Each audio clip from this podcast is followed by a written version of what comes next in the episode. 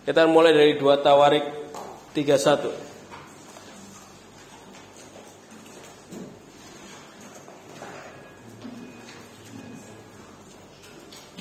Kita akan mulai dari 2 Tawarik 31 ayat 20 dan 21 Yang ikut di dalam makan malam Paskah kita kemarin Jumat malam pasti sangat familiar dengan ayat ini sudah dapat boleh katakan jalan pemulihan Demikianlah perbuatan Hizkia di seluruh Yehuda ia melakukan apa yang baik, apa yang jujur, dan apa yang benar di hadapan Tuhan Allahnya. Dalam setiap usaha yang dimulainya untuk pelayanannya terhadap rumah Tuhan dan untuk pelaksanaan Taurat dan perintah Tuhan, ia mencari Tuhannya. Semuanya dilakukannya dengan segenap hati sehingga segala usahanya berhasil. Ayat ini sungguh luar biasa bagi kita semua di malam itu. Malam yang luar biasa kita lewati bersama di Paskah kemarin. Ya, makanan yang luar biasa, betul? Waktu-waktu bersama yang luar biasa. Ada yang ngobrol di dalam dan ada yang ngobrol biasa yang di luar. Ya. Jadi luar biasa, biasa di luar. Ya. Lebih dari itu semua Tuhan membawa kita kepada sebuah cerita yang luar biasa juga di hari uh, pasca itu. Memperlihatkan bagaimana seorang raja yang membawa pemulihan bagi dan kepada bangsanya sendiri. Tindakan-tindakan yang bahkan cenderung ekstrim bertorak belakang dengan tindakan ayahnya, dia ambil sebagai bentuk kerinduan dia kepada Tuhan. Ya. Dia memimpin bangsanya kepada perubahan Katakan perubahan. Membawa kepada pengudusan. Katakan pengudusan. Pengudusan kembali untuk kembali memiliki waktu bersama-sama dengan Tuhan. Tidak hanya dirinya sendiri tapi seluruh bangsanya diajak untuk lakukan hal ini. Dan Tuhan pun akhirnya bersama-sama dengan bangsa itu kembali. Kita melihat bagaimana pemulihan itu ya diambil sebagai komitmen yang dilakukan dengan setia sampai kepada pemulihan itu terjadi. Ada moto di dalam camp pemulihan yang sangat terkenal di dalam orang Kristen. Aku nggak tahu teman-teman paham nggak? Eh apa tahu nggak? Pemulihan bukanlah suatu pemulihan sampai terjadi pemulihan.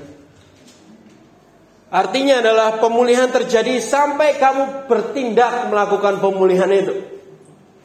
Pemulihan bukan hanya kata-kata yang kamu rindukan dan kamu katakan, tetapi pemulihan itu terjadi cuma kalau kamu mengambil tindakan untuk pemulihan. Pemulihan tidak akan pernah terjadi tanpa tindakan itu diambil. Pernah punya luka? Luka di dalam hati, atau luka yang lain?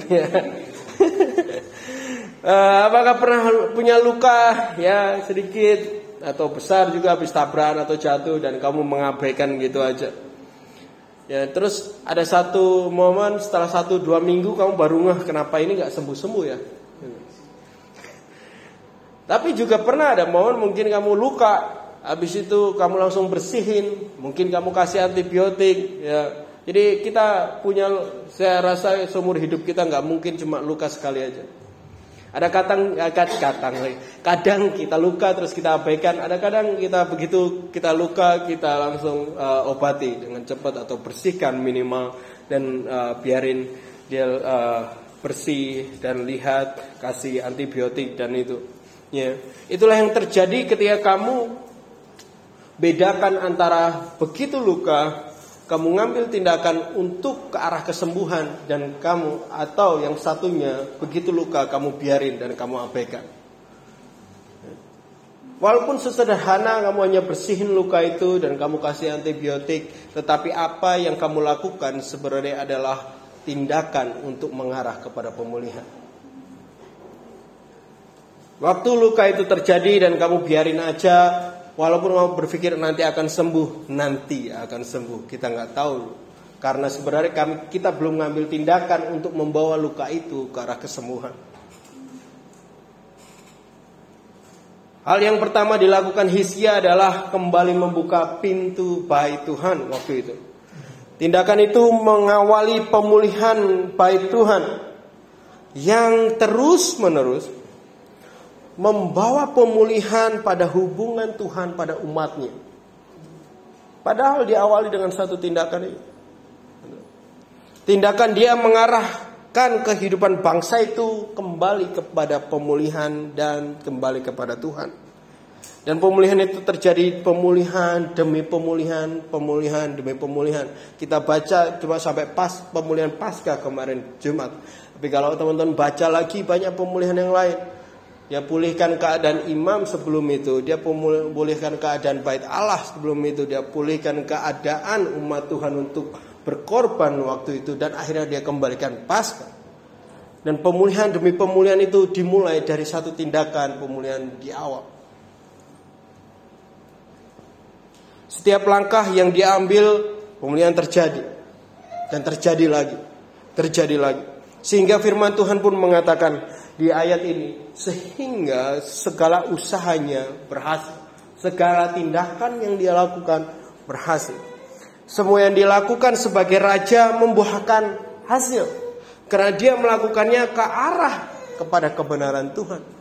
Jadi ketika dia mengambil tindakan pemulihan pertama kali, langkah pertama itu sebenarnya mengarahkan hidupnya kepada jalan pemulihan itu. Pemulihannya belum sempurna tetapi arahnya udah benar.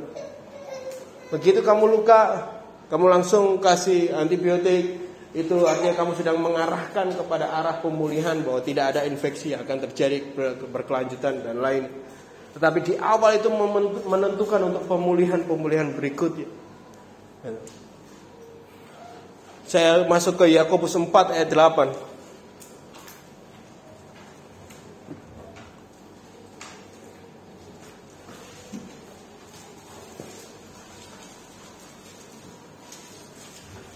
Yakobus 4 ayat 8 yang sudah dapat katakan mendekat. Mendekatlah kepada Tuhan dan Ia akan mendekat kepadamu. Tahirkanlah tanganmu hai kamu orang-orang yang berdosa dan sucikanlah hatimu hai kamu yang mendua hati. Beragama Kristen dan hidup bersama Tuhan itu menjadi dua hal yang berbeda saat ini di zaman ini. Banyak hidup orang Kristen bahkan tidak mengenali Roh Kudus dan suara Roh Kudus dalam kehidupan mereka. Jadi itu menjadi hal yang bahkan sangat unik bagi orang yang Kristen untuk kamu bisa punya Roh Kudus dan jalan sama Roh Kudus. Tapi saya juga tahu mereka yang nggak ngerti itu juga haus akan pertolongan Tuhan. Makanya mereka cari Tuhan setiap hari, rajin ke gereja, ya rajin melakukan semua uh, ibadah yang ada, berdoa minta pertolongan Tuhan waktu waktu setiap kehidupan mereka. Walaupun mereka belum benar-benar tahu kehidupan mereka bersama Tuhan. Saya ajak kita balik ke dua tawarik, tapi di pasal 28. Salah satu ayat yang kita baca kemarin Jumat juga. Ya. Dua tawarik 28 ayat 22 dan 23.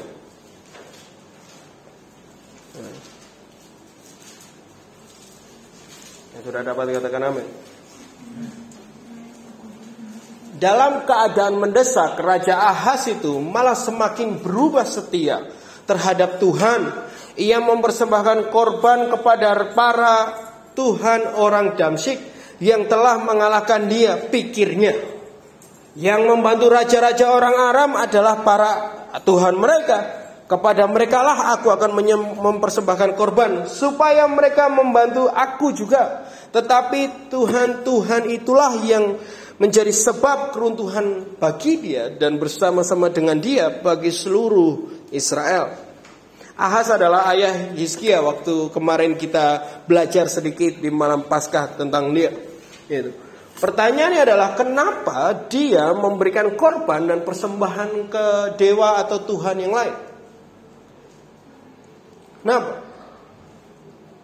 Karena dia sedang mencari pertolongan. Dia sedang mencari bantuan untuk hidupnya. Dia merindukan pemulihan. Dia merindukan sesuatu yang lebih baik terjadi. Tetapi dia lakukan dengan persembahan yang keliru.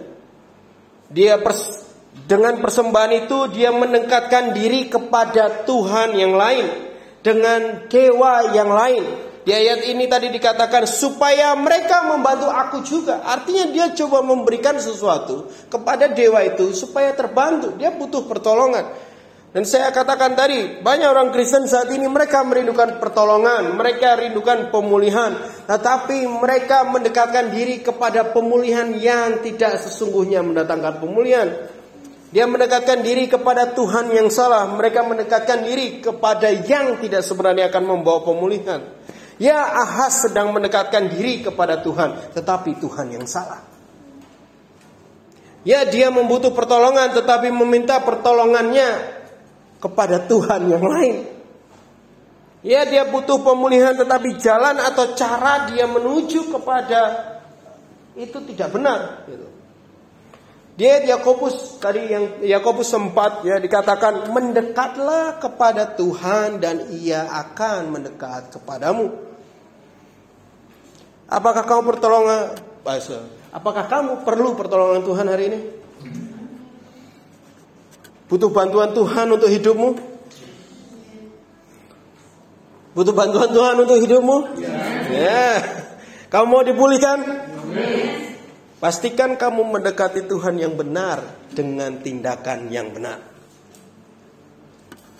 Tidak mencari pertolongan seperti bangsa lain mencarinya. Si Ahad coba mencari seperti bangsa lain mencari. Dia mencari seperti oh itu kan mereka itu Tuhan yang mereka sembah itu kan yang membantu mereka aku mau kayak mereka gitu. Mereka keliru. Mendekatlah kepada Tuhan Israel. Tuhan Abraham, Tuhan Ishak dan Yakub. Itulah Tuhan yang kita sembah. Surah, seberapa banyak rindu untuk mendekat pada Tuhan yang benar hari ini? Seberapa banyak yang rindu untuk mengalami pemulihan di dalam hadirat Tuhan yang benar. Ya kita lihat lebih lagi. Amin. Ya itu tadi baru pembukaan aja. Ya, Zakaria 1 ayat 3. Zakaria. Zakaria itu sebelum perjanjian baru. Dekat-dekat di bagian akhir dari perjanjian lama. Ya, udah dapat? Pasti jarang buka ini. Zakaria 1 ayat 3. Sudah dapat katakan amin. Sebab itu katakanlah kepada mereka beginilah firman Tuhan semesta alam. Kembalilah kepadaku. Demikianlah firman Tuhan semesta alam. Maka aku pun akan kembali kepadamu. Firman Tuhan semesta alam. Pertanyaan ini, pernyataan ini, sorry, pernyataan ini dikatakan Tuhan melalui Zakaria kepada bangsa Israel, kepada kehidupan mereka yang jauh dari Tuhan waktu itu. Ya. Alkitab bahkan menulis kehidupan yang jahat di mata Tuhan. Itu kehidupan mereka pada masa itu. Ya. Tapi dikatakan di sini, kembalilah kepadaku, aku akan kembali kepadamu. Artinya kalau kamu mengambil langkah kepada aku, aku akan kembali kepadamu. Siapa yang pernah balikan sama si mantan? ya, karena kita mulai mendekati kembali, eh dia dekat lagi, ya kan? Sudah ketawa-ketawa. Ya. Dan kalau kita baca cerita seterusnya sebenarnya ada pemulihan demi pemulihan juga terjadi di zaman itu. Kita mulai melihat pola di sini. Ya, ada sesuatu langkah yang perlu diambil untuk pemulihan itu terjadi. Caranya adalah kembali kepada Tuhan. Katakan kembali kepada Tuhan. Mendekatlah kepadanya dan dia akan meresponi kerinduanmu untuk dekat kepadanya. Kalau tiga kita tidak pernah mengambil langkah untuk kembali padanya, dia tidak kembali kepadamu. Ini kan kalau tak balik kan kayak gitu ya ini. Ya kan? Tapi dia katakan kembalilah kepadaku, aku akan menemui engkau. Datanglah kepadaku, aku akan menemui engkau. Yakobus mengingatkan kita dan Zakaria juga mengingatkan kita. Saya mau baca ayat lain lagi, Maliaki 3. Maliaki 3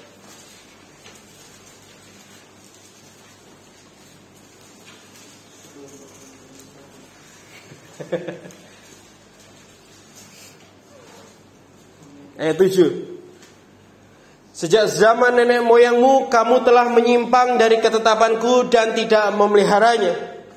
Kembalilah kepadaku, maka aku akan kembali kepadamu. Firman Tuhan semesta alam. Tetapi kamu berkata, dengan cara bagaimanakah kami harus kembali?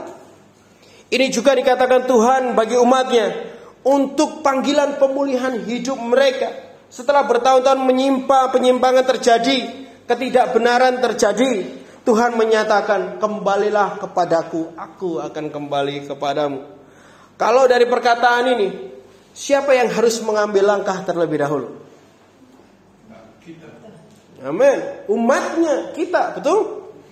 Umatnya harus mengambil langkah untuk kembali kepada Tuhan terlebih dahulu. Tuhan memberi respon untuk mendatangi kembali mereka. Mereka juga bertanya pertanyaan yang mungkin sama yang ada dalam pikiran teman-teman semua Bapak Ibu Saudara hari ini. Dengan cara gimana kita harus kembali? Caranya Kalau gimana aku harus kembali? Ada yang punya pertanyaan itu di kepala saudara? Ya. Gimana caranya kembali ke Tuhan? Aku mau pemulihan. Ya aku tahu sekarang kalau berarti aku harus kembali dan Tuhan akan ketemuin aku. Gimana caranya aku kembali? Ayat berikutnya di ayat 8. Lihat ayat 8 sampai ayat 11 saya bacakan seperti ini. Bolehkah manusia menipu Tuhan? Namun kamu menipu aku. Tetapi kamu berkata, dengan cara bagaimana kami menipu engkau? Mengenai persembahan persepuluhan dan persembahan khusus, kamu telah kena kutuk, tetapi kamu masih menipu aku. Ya kamu seluruh bangsa, bawalah seluruh persembahan persepuluhan itu di dalam rumah perbendaraan supaya ada persediaan makanan di rumahku dan ujilah aku. Firman Tuhan semesta alam, apakah aku tidak membukakan bagimu tingkap-tingkap langit dan mencurahkan berkat kepadamu sampai kelimpahan? Aku akan menghardik bagimu belalang pelahap supaya jangan dihabiskan hasil tanamu dan supaya jangan pohon anggur di padang tidak berbuah bagimu. Firman Tuhan semesta alam. Apa yang terjadi adalah mereka menipu Tuhan. Mereka mengelabui Tuhan bahasanya. Mereka enggak terbuka atau pura-pura. Gimana menipunya? Mereka bilang kasih seper sepuluh, persen, tapi sebenarnya tidak sepuluh persen dari yang mereka punya atau yang mereka dapatin. Ada pernah Pak Gerwin cerita temennya gitu ya, ya, aku tetap kok kasih sepersepuluhan tapi delapan persen. Gimana bisa? Namanya juga sepersepuluh, ya dia kasih delapan persen. Jadi cashbacknya 2% ya. ya. Ada cashback 2% ya. Itu namanya sama aja kayak kamu order di toko Topet atau Tokopedia ya. Ngomongnya original tapi yang datang KW. Ya. Nggak salah sih kasih 8%, hanya jangan pakai kata sepersepuluh dong. Ya. Itu namanya nipu. Ngomong ngasih 10 tapi sebenarnya ngasih 8 dari yang kamu dapatin. Nggak salah jual KW, tapi jangan pakai kata original di fotonya atau di deskripsinya. Jangan ngomong kasih semua padahal masih simpan sebagian Ananias dan Safira. Itu namanya nipu dan mereka terus melakukan hal itu kepada Tuhan. Ngomong beri hati sepenuhnya ke Tuhan tapi sebenarnya masih simpan sedikit untuk dirinya sendiri. Dari tipu-tipu itu Tuhan mau mereka kembali benar dan memberi sepenuhnya lagi. Saya nggak pakai itu untuk ngomong soal semuanya harus perpuluhan supaya balik ke Tuhan enggak ya. ya. Tapi ini nilai yang Tuhan mau perlihatkan bahwa masalahnya adalah mereka melakukan yang jahat di hadapan Tuhan dan Tuhan mencoba mereka mengatakan kepada, kepada mereka supaya mereka kembali untuk melakukan apa yang benar. Dari yang ngasih nggak sebenarnya, mereka harus kasih sebenarnya. Kalau memang mau kasih sepersepuluh, kasih seluruhnya dia katakan. Makanya dia bilang bawalah seluruh sepersepuluhan. Tidak tipu-tipu lagi. Tuhan sedang mau membawa mereka untuk mendekat. Matius 3 ayat 2 katakan ini bertobatlah sebab kerajaan Allah sudah dekat. Berhenti dari ketidakbenaran yang bahkan tersembunyi dari orang lain. Itulah cara kamu kembali ke Tuhan. Berhenti dari hal yang jahat dari di hadapan Tuhan. Itulah cara kamu mendekat kembali ke Tuhan. Inilah cara kamu untuk kembali mendekat ke Tuhan adalah bertobat. Katakan kanan kirinya bertobat. Tobat, tobat.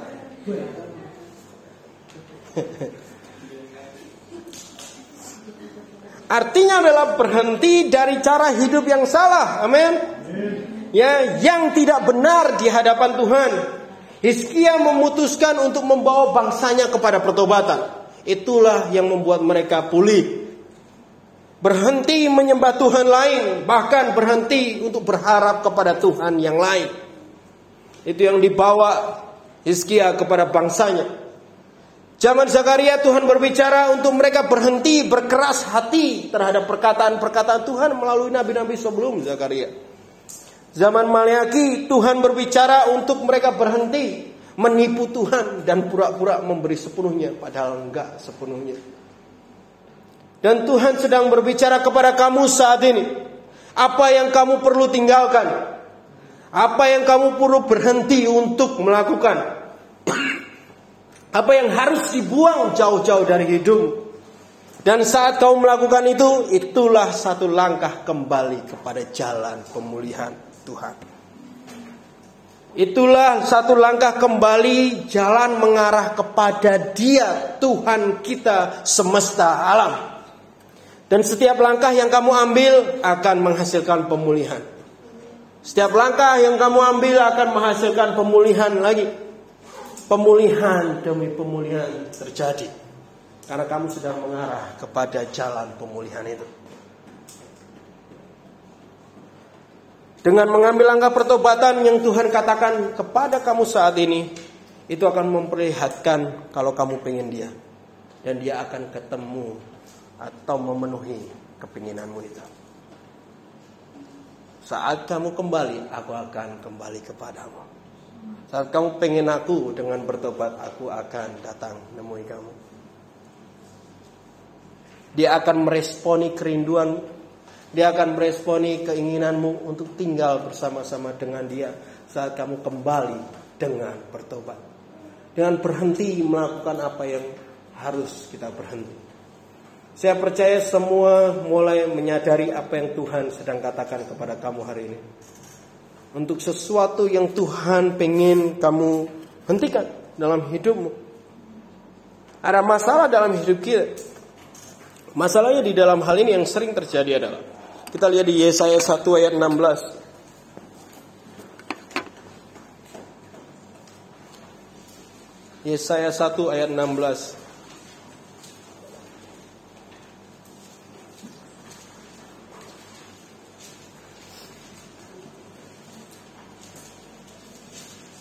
Yang sudah dapat katakan bertobat. Masih krisuk krisuk krisuk. ya. Wah, masih menipu ini kayaknya. Kak.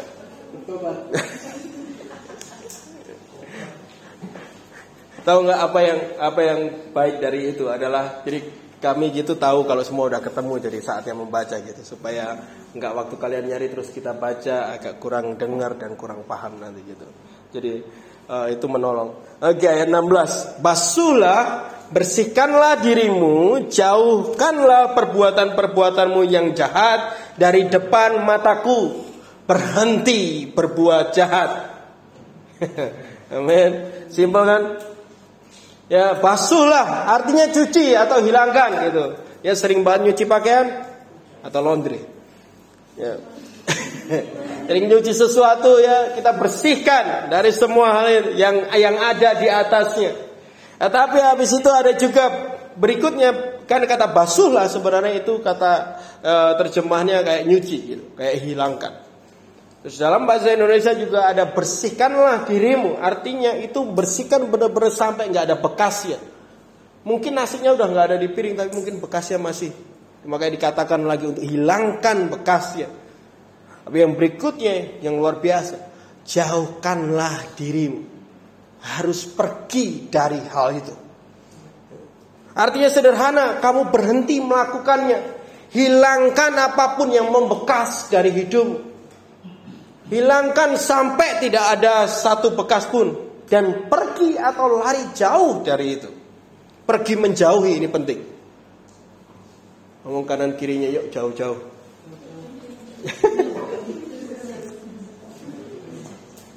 ini adalah langkah yang paling penting untuk menjauh dari hal itu.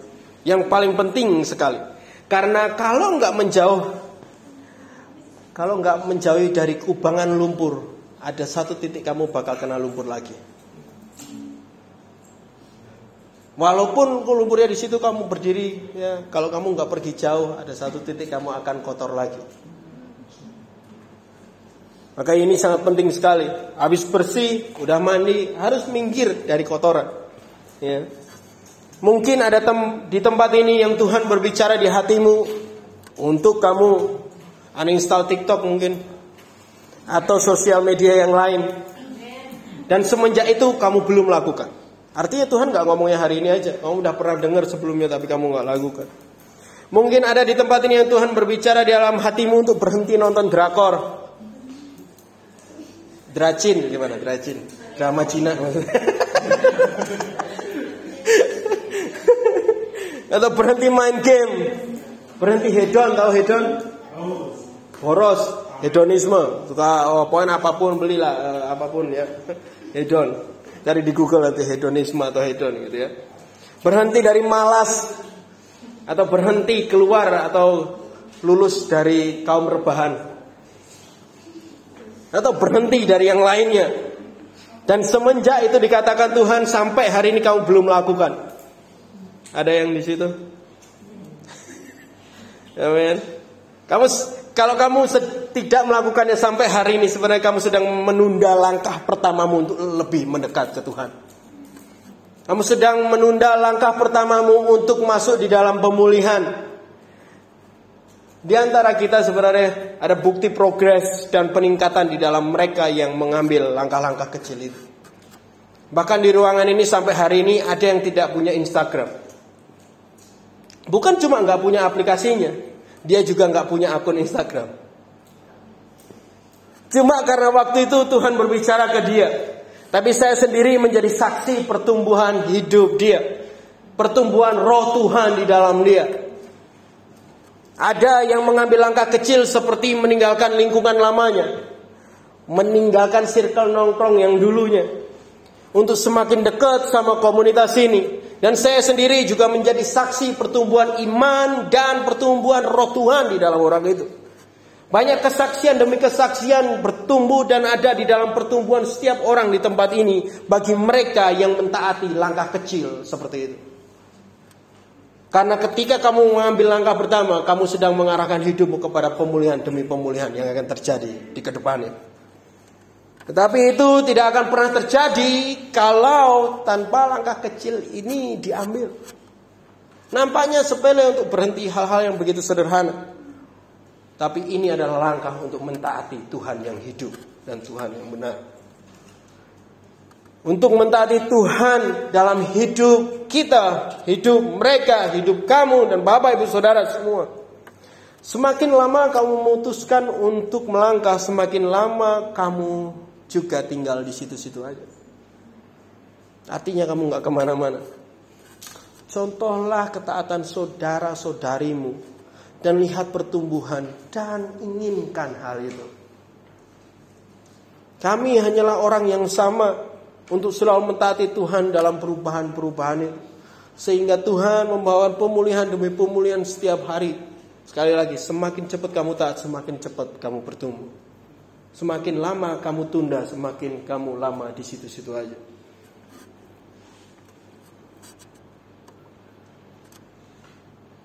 Amin. Tuhan baik hari ini. Galatia 5 ayat 17.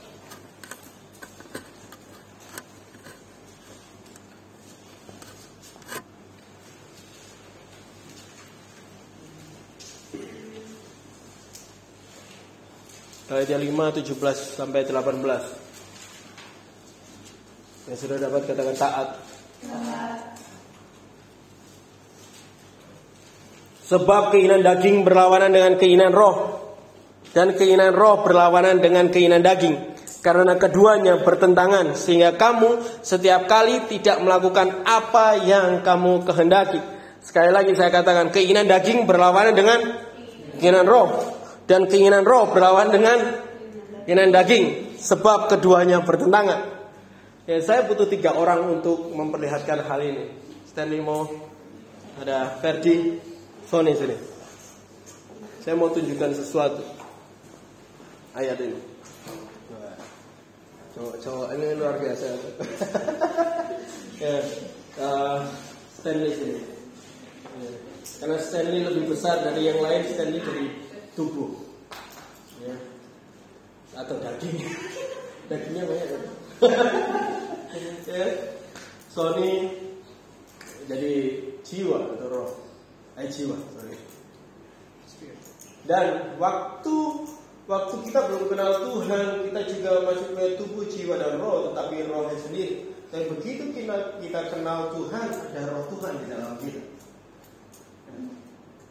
dan roh sama daging nggak pernah temenan.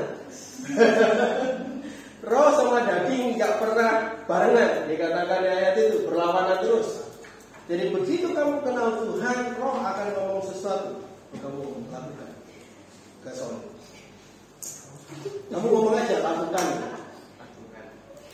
Sony ngomong, karena kamu terima pesan untuk lakukan, kamu ngomong ke tubuh untuk melakukan. Kamu ngomong, aku lakukan. Lakukan. Karena, karena kamu itu daging kan berlawanan sama roh kamu nggak mau. Kamu bilang juga nggak? Nggak mau. Saya bilang lakukan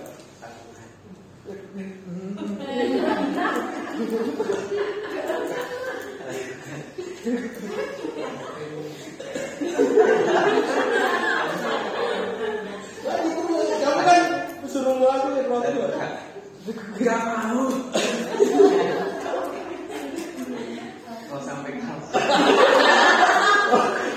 Mau sampai kapan ya?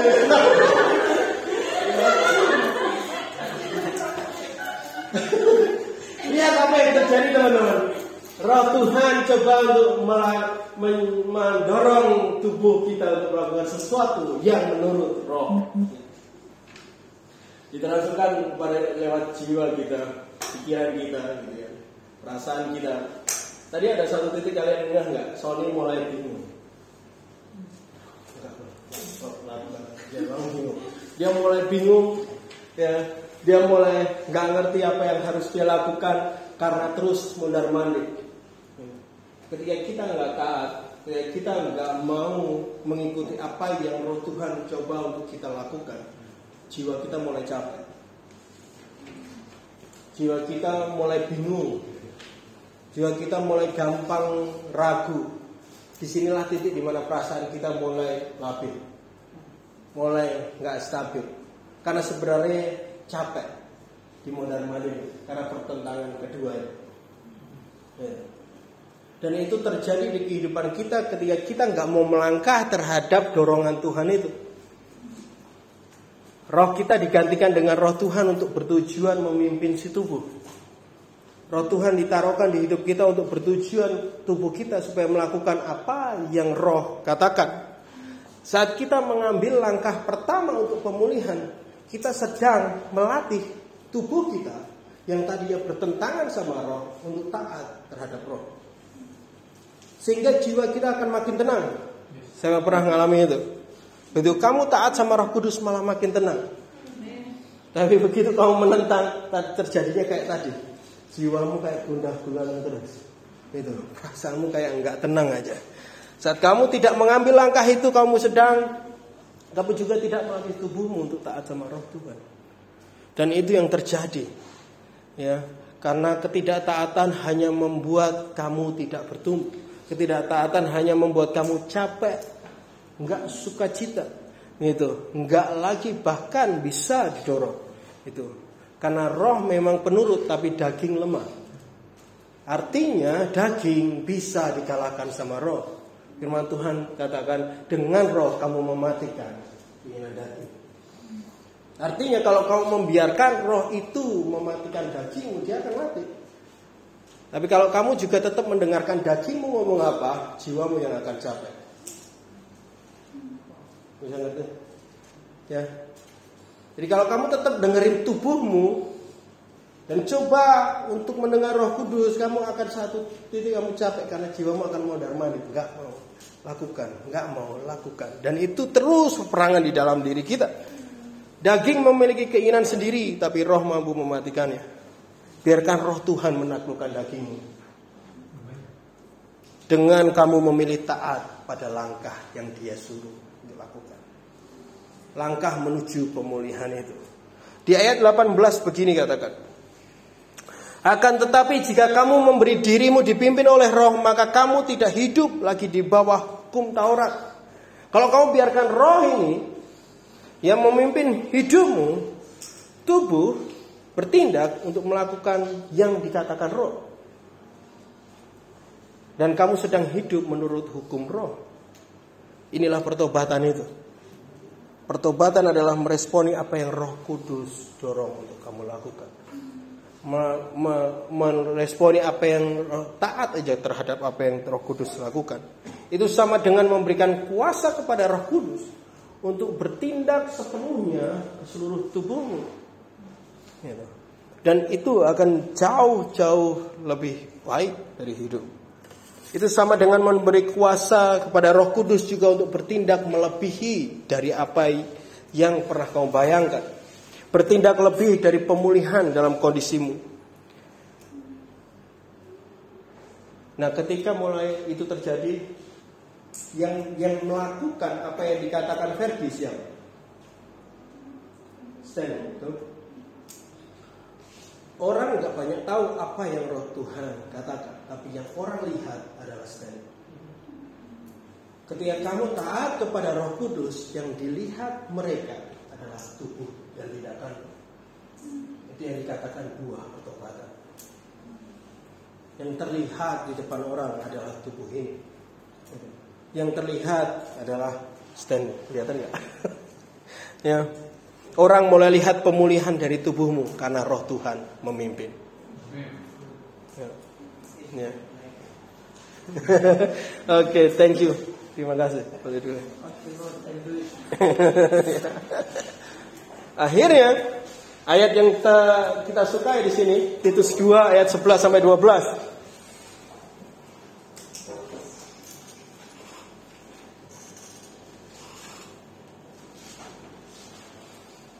Karena kasih karunia Tuhan menyelamatkan semua manusia sudah nyata.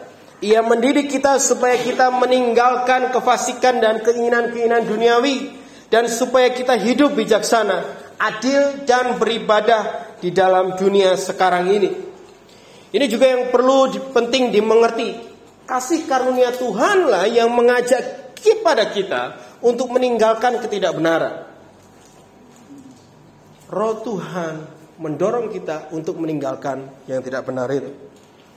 Ya, untuk mengambil langkah pertobatan itu komitmen dan ketaatan kita. Tetapi untuk terus ada di dalam pertobatan itu kita perlu kasih karunia Tuhan dan hanya dapat dilakukan karena kasih karunia Tuhan. Jadi tidak ada dari kita mampu pakai kekuatan kita sendiri untuk bertahan di dalam jalur pemulihan ini. Kita dengan pertobatan kita kita sedang mengarahkan hidup kita ke jalannya, jalan pemulihan itu. Tapi untuk bertahan di dalam jalan pemulihan itu kita perlu kasih karunia Tuhan. Karena kasih karunia Tuhan yang menjaga kita untuk terus katakan tidak pada ketidakbenaran.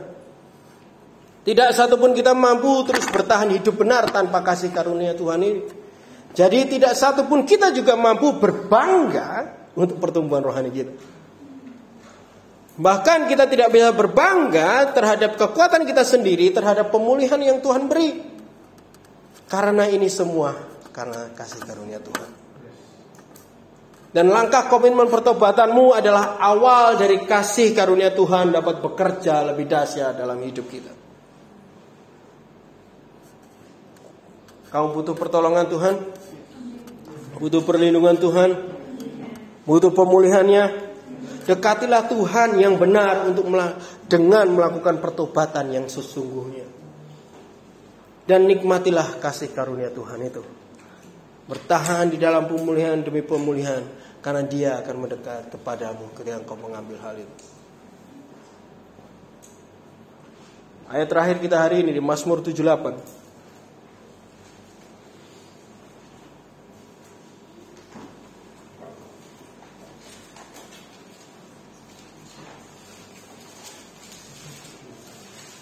Mazmur 78 ayat 27. Sampai 28. Ayat ini akan menjadi ayat kita hari ini untuk mengingatkan diri kita tentang kerinduan kita sama Tuhan. Sebab sesungguhnya siapa yang jauh daripadamu akan binasa. Mazmur 78 Ayat 27. Hah? Ayat 28.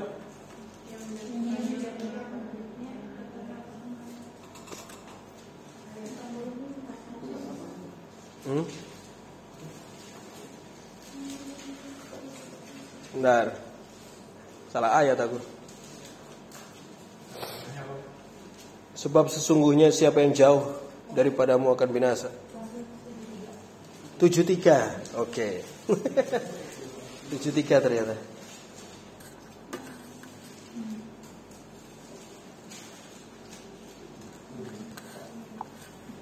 Dapat 73?